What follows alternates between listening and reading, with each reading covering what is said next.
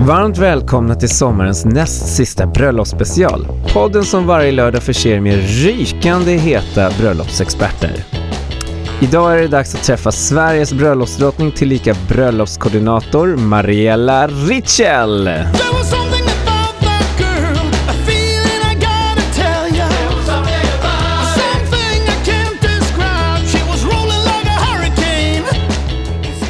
Jag heter Simon Matsuyama och är er bröllops-DJ och vid min sida idag har jag en av Wedding Planner Stockholms fantastiska koordinatorer, Sofia Forsberg.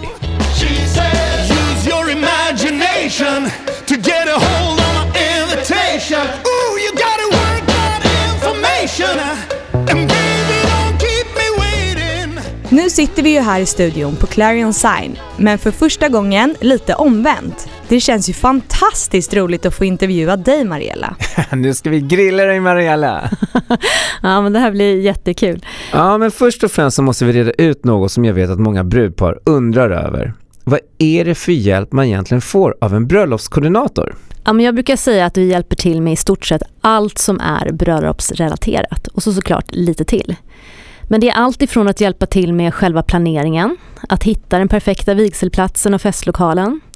Sen är det budgetfrågor och sen så bokningar såklart av alla leverantörer som man kan behöva hjälp med. Sen så gör vi såklart körscheman för dagen och sen gör jag alltid körschema för själva middagen separat. Vi eh, inspirerar och coachar toastmaster eller toastmadam. Sen så dubbelkollar vi alla bokningar dagarna innan bröllopet. Vi ser till att vara med och regissera och hjälpa till vid ett vigselrep kanske någon dag innan. Och sen under själva dagen så är vi med på plats. Och många gånger kan det vara redan från klockan nio på morgonen och fram till ett, två på natten. Ibland har man ju inte slutat förrän ja, fyra, halv fem. Men alltså vad, då, vad gör ni där klockan nio på morgonen? Nej men det beror ju lite på vad det är för typ av bröllop men många gånger så är det ju många leverantörer som kommer in redan från nio. Det kan vara ju allt ifrån eh, floristen eller ja, det kan ju till och med vara du ibland Simon som behöver vara där. Men, men det är klart att är man i en festlokal som till exempel Grand Hotel, då finns ju redan mycket på plats och då kanske man kommer in senare och koncentrerar sig mer på, ja men det kan vara att det blir den där perfekta servettvikningen och mycket, mycket detaljer, prata med hovmästaren och sätter upp ja, vad det nu är för dekorer och blommor och så. Är man ute på landet och bygger ett tält, då handlar det om mycket mer tungt arbete för mig och, och teamet.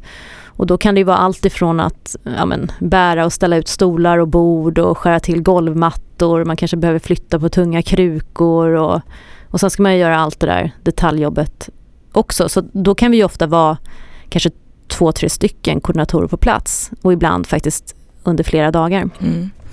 Men om man nu ska gifta sig nästa år och känner att det känns alldeles överväldigande med alla detaljer man bör ha koll på. Det är ju liksom en hel djungel av olika leverantörer att välja mellan och man vet helt enkelt inte var och hur man ska börja. Va, vad gör jag då? Ja, men det allra första jag tycker att man ska börja titta på det är ju antalet gäster som man vill bjuda och sen faktiskt sin budget. Och sen samtidigt så måste man lista ut lite då vilket typ av bröllop som man ska ha. Är man intresserad av ett större traditionellt bröllop med en, ja, kanske en kyrka med en trerättersmiddag eller är det en mindre vigsel, eventuellt borgerlig i stadshuset, kanske med färre vänner, kanske bara några släktingar. Så att det, det är ju viktigt någonstans att i ett tidigt skede ha koll på sin budget, även om det låter lite tråkigt. Det, självklart ska man få drömma om de här fantastiska blomsterarrangemangen eller livebandet eller vad det nu är som man ser på Pinterest. Men man måste ha lite koll på vad kreationerna kostar.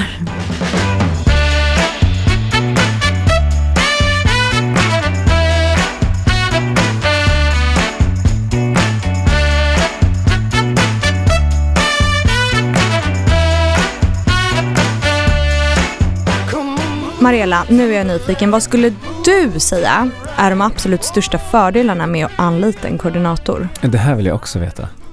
Jo men under planeringsfasen så handlar det ju om att jag har kurerat fram ett riktigt bra nätverk av leverantörer som jag med varm hand kan rekommendera.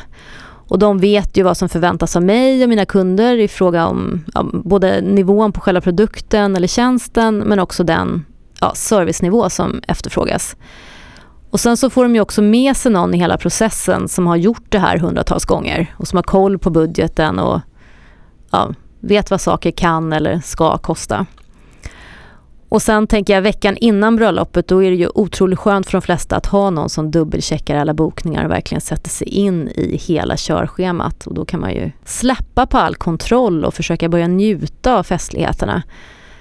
Många gånger så om man har ett destinationsbröllop där det är många internationella gäster som flyger in så börjar de dyka upp ett par dagar innan bröllopet och då är det ju skönt att ha någon som sköter allting så man kan umgås med sina gäster. Och sen eh, såklart under själva bröllopsdagen så finns det ju någon då, eller ibland är vi ju flera på plats från morgon till sen kväll, det som vi har pratat om. Och eh, det man kan säga det är väl det att det spelar liksom ingen roll hur många körscheman man har gjort och hur noga man har planerat någonting. Det är alltid något som trasslar backstage. Det vet vi ju alla tre här. Absolut. Eh, och de flesta gånger så är det ju saker som varken brudpar eller gäster märker av. Men vi kan ju verkligen kämpa på rätt bra med katastrofer ibland, tycker jag. Har du någon sån där riktig mardrömshistoria du kan dela med dig av? Ja men det finns ju, det finns ju ganska många. Eh, men jag har faktiskt en, en historia som jag kommer på. Jag tror att det var faktiskt före din tid Sofia. Du hade inte börjat jobba med mig ändå. Men vi hade byggt ett, eh, ja, men vi hade byggt ett tält och det var tema Thailand ute i skärgården utanför Norrtälje. Jag tror att vi hade fraktat dit typ två ton sand till tältet och alla fick flipflop som de skulle liksom ta på sig där ute. Så. Mysigt. Ja men det var rätt mysigt. Sen hade vi liksom tjusig catering på plats och efter middagen då skulle alla gå ner till båthuset för tårta och dans. Och då hade det, den här tårtan då, fyra våningstårta, hade ställts in i ett kylskåp i en bod och ja, den delades då även med cateringen. Och de hade liksom lagt in någon slags eh, fiskoljedressing som på något sätt hade ramlat ner och oh liksom spruckit och ja, då sugits upp av tårtan då som stod liksom längst ner i kylen. Så när jag och eh, ja, min dåvarande assistent Sofie kom dit för att ja, bära ner tårtan till båthuset och bara det, liksom en fyravåningstårta och bära ner den till det här båthuset och det är lite hala stenar och gräs och dagggräset på natten eller på kvällen sådär. Och sen kommer jag dit och upptäcker då att ja, men hela det här liksom pappen som tårtan står på, den är ju helt indränkt då i den här ja, fiskoljan. Och då, eh, ja, men det är faktiskt en av de här gångerna när man känner riktig panik och det var en mosttårta också så jag vet, man visste liksom inte om den hade sugit upp allt det här då. Men eh, alltså jag vet inte riktigt. Du tappade hela tårtan? Nej men vi tappade inte tårtan och eh, men jag eh, tror att de aldrig riktigt kom ner till den här sista botten. Nej men jag blev bara nyfiken, var det någon som märkte nej, men jag, av? Nej men jag tror inte det för att det, du, alltså, du vet fyra våningstårta, man ställer den där, det var dans och bar. Det är inte, alla, alla tar inte tårta alltid. Så jag, jag, tror att vi klarar oss. Men, men det var sån här panik, eh, ja, men panikkänsla sådär. Och det är ju ingenting man berättar för brudparet. Det berättar man sen efteråt, det är lite roligt liksom. Exakt. Precis, men hade inte bröllopskoordinatorn varit där då hade man ju haft den synen själv som brudpar. Mm. Ja, nej, men precis. För nu har vi faktiskt fått höra en del om vad en bröllopskoordinator faktiskt gör under bröllopsdagen. Trots att det faktiskt inte syns alla gånger så, så har man saker att göra. Um, och det är säkert många då som drömmer om att kunna få just den avlastningen som en bröllopskoordinator kan bistå med både inför och på plats under dagen. Men den stora frågan är då, vad kostar det? Krävs det att man har en budget som man bara kan drömma om för att anlita en bröllopskoordinator? Ja, både ja och nej skulle jag vilja säga. Allt är ju såklart relativt på vad man tycker är eh, en stor budgetpost. Men jag tycker inte att det behöver bli så dyrt. Det beror ju på lite först och främst hur mycket hjälp som brudparen önskar. Och nu har ju vi valt att inte arbeta med några fasta paket utan det bygger på så mycket eller så lite hjälp som brudparen önskar att få. Så styr vi upplägget och skräddarsyr helt egentligen efter behovet och budgeten. Så då kan det ju vara så att en del par de önskar hjälp endast med själva planeringen och sen tycker de att de klarar sig själva under bröllopsdagen. De kanske inte har så många gäster. Andra par känner att de klarar av planeringen själva med alla bokningar och den delen. Eh, och där kommer vi då in senare i processen och kanske styr upp sista veckorna och sen är vi med på själva dagen. Men jag skulle nog säga att de flesta paren, om de kan, då väljer de nog en kombination av de två valen så att säga. Men vi brukar ju säga då att minimum för att få hjälp av oss är 10 timmar i planeringstid. Och då kan man då välja exakt vad man vill få hjälp med. Så en del vill bara ha liksom bollplank och andra vill ha mer handfasta rekommendationer av hjälp oss boka fotograf, hjälp oss boka florist, hjälp oss med det här. Så att jag tycker inte att det behöver bli, det behöver inte bli en vansinnigt stor budgetpost. Men sen är det klart, har man 200 gäster ute på en ö i skärgården och ska liksom transportera dit eh, tält och bygga tält och catering och ugnar och kylskåp och liveband och bygga scener och största blomsterdekorationerna. Det är klart att det tickar på i planeringstid. Och då är det klart att det kan dra iväg. Um, har man råd med allt det där? Då har man råd med en wedding planner också. ja men det är helt klart. Nej, men i, i, USA vet jag att de brukar räkna med att en wedding planner kostar ungefär 10% av totala bröllopsbudgeten och jag vet att det är så de prissätter sig själva också. Nu har vi valt att inte göra så här.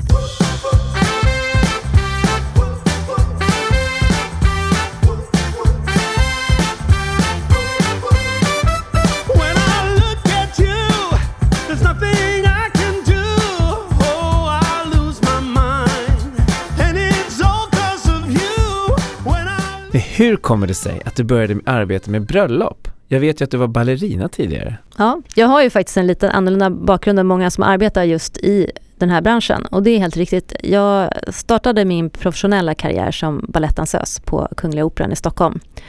Och sen hade jag väl arbetat där i kanske tio år när jag träffade en svensk kille som bodde i New York. Och eh, ja, jag bestämde mig ganska snabbt för att eh, flytta dit till honom. Det skulle jag också göra. Ja, men det var... eh, det kändes bra då i alla fall. Eh, och jag fick jobb som dansare direkt när jag kom dit. Men systemet ser lite annorlunda ut där. Här i Sverige har vi ju fasta anställningar som, som dansare på Operan. Men där går man liksom på ettårskontrakt eller produktionskontrakt. Jag fick snabbt kontrakt med ett modernt danskompani som hette Battery Dance Company. Men eh, produktionerna gick liksom inte alltid hand i hand och man fick göra audition för andra kompanier då. Jag jobbade bland annat med Connecticut Ballet. Men det var ändå så att jobben, ja, men de gick inte alltid hand i hand. Utan det kunde uppstå en lucka på ett par månader när man inte hade så mycket att göra och i New York så blir det lite tråkigt för att alla jobbar liksom hela tiden där. så. Så eh, någonstans där så fick jag, jag vet inte riktigt hur det kom sig, men jag fick i alla fall möjlighet att arbeta för ett svenskt-amerikanskt konsultbolag som arrangerade väldigt exklusiva business-event för bland annat Olle Westberg på svenska generalkonsulatet. Och där någonstans tror jag att min karriär med event helt enkelt eh, startade. Sen så flyttade vi hem då 2003 och då, ja, vi gifte oss. Och eh, vi bodde ju kvar då i New York och planerade allting därifrån. Bröllopet skulle vara i Stockholm och då insåg man ju ganska snabbt att man behövde hjälp på hemmaplan. Ja, hur gjorde ni då? Ja, men, det var lite oväntat faktiskt men eh, det var min pappa som var vår bröllopskoordinator. Va? Din pappa? jo, men han var supergrym på alla sätt. Han var värsta producenten men han jobbade som videoproducent på den tiden så att, eh, ja, han var väl van att ha koll på många delar och så. Och sen så, ja, jag tyckte det var ganska skönt. Men det var ändå där någonstans efter bröllopet som du bestämde att nej men eh, jag ska satsa på att bli bröllopskoordinator själv. Ja, eh, jag tror att det gick några månader sådär och eh, jag var ju tillbaka på operan då och dansade och sen så var det massa trassel med en fot som, ja den ville liksom inte riktigt vara med och dansa. Och sen tror jag att jag låg där någon natt och funderade på vad ska jag göra om jag inte kan dansa något mer? Vad, vad gör jag då? Vi vet ju att vi går i pension väldigt tidigt också och så. Eh, jag hade visserligen ganska, hade vi nästan tio år kvar men, men ändå. Så att jag tror att jag låg där och tänkte, ja jag kan teater, jag kan dansvärld, jag hade lite jobberfarenhet och då från New York-tiden med event och sen så var det så kul att gifta sig. Och så där någonstans så föddes idén om, om Wedding Planner Stockholm. Och då eh, startade jag upp, ja det var hösten 2003 och då var jag en av de första att erbjuda bröllopskoordinering i Sverige. Och eh, ja, på den vägen är det. 2003. Mm. Det är Och nu har länge sedan. 18 säsonger passerat. Precis, det här är ju 18 säsongen som egentligen då skulle bli en eh, supersäsong med kanske ett av de allra största bröllopen någonsin i min karriär här.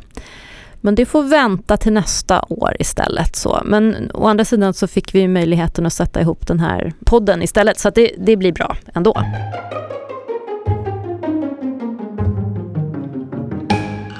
Men, men jag kan inte riktigt släppa, från ballett till bröllop, är inte det steget långt ändå? Ja, men jag får den frågan faktiskt ganska ofta och det, det kan man ju tycka, men det har faktiskt inte varit det alls för mig. Jag ser ju liksom någonstans att i ett bröllop så finns alla delarna från en föreställning eller en scenproduktion, de finns där. Så det är bara en förlängd arm. Eh, Publiken, gästerna, huvudrollsinnehavarna i brudparet, kostymerna i bröllopskläderna. Man skapar vackra scenbilder. Här jobbar jag med vackra middagssalar, blommor. Annars är det liksom scendekor. Jag skulle ju säga att allt finns där men det är bara i en liten annan skepnad. Sen har man ju den delen liksom själva dagen när det verkligen är showtime. Inget får gå fel. Nerverna måste vara i styr och det är liksom här och nu det händer. Jag, jag älskar den känslan, det där pirret och jag, jag får ju nästan samma pirr när jag ska gå iväg och jobba inför ett stort bröllop. Eh, och sen den här utmattningen och sköna känslan dagen efter när det är över. Det är nästan som en, en premiär är över. Så för mig har det varit en ganska kort väg från ballett till bröllop. Faktiskt. Det är inte för intet man har vattenfast mascara på sig. Nej men precis, och det har man ju även när man dansar på scen. Där är Ja, kopplingen. där är kopplingen, där är den stora kopplingen. Eh, nej, men jag tänkte på en annan grej som jag kan tycka är lite synd ibland och det är att vigselns utformning kan glömmas bort lite ibland bland alla servettvikningar och blommor och musik och allt vad det är. Kärleken, det är ju därför man gifter sig, det är det som är det viktiga. Och så är det många par som säger, nej men det här med vigseln är inte så viktigt, det, det, ja, det går vi igenom snabbt bara så.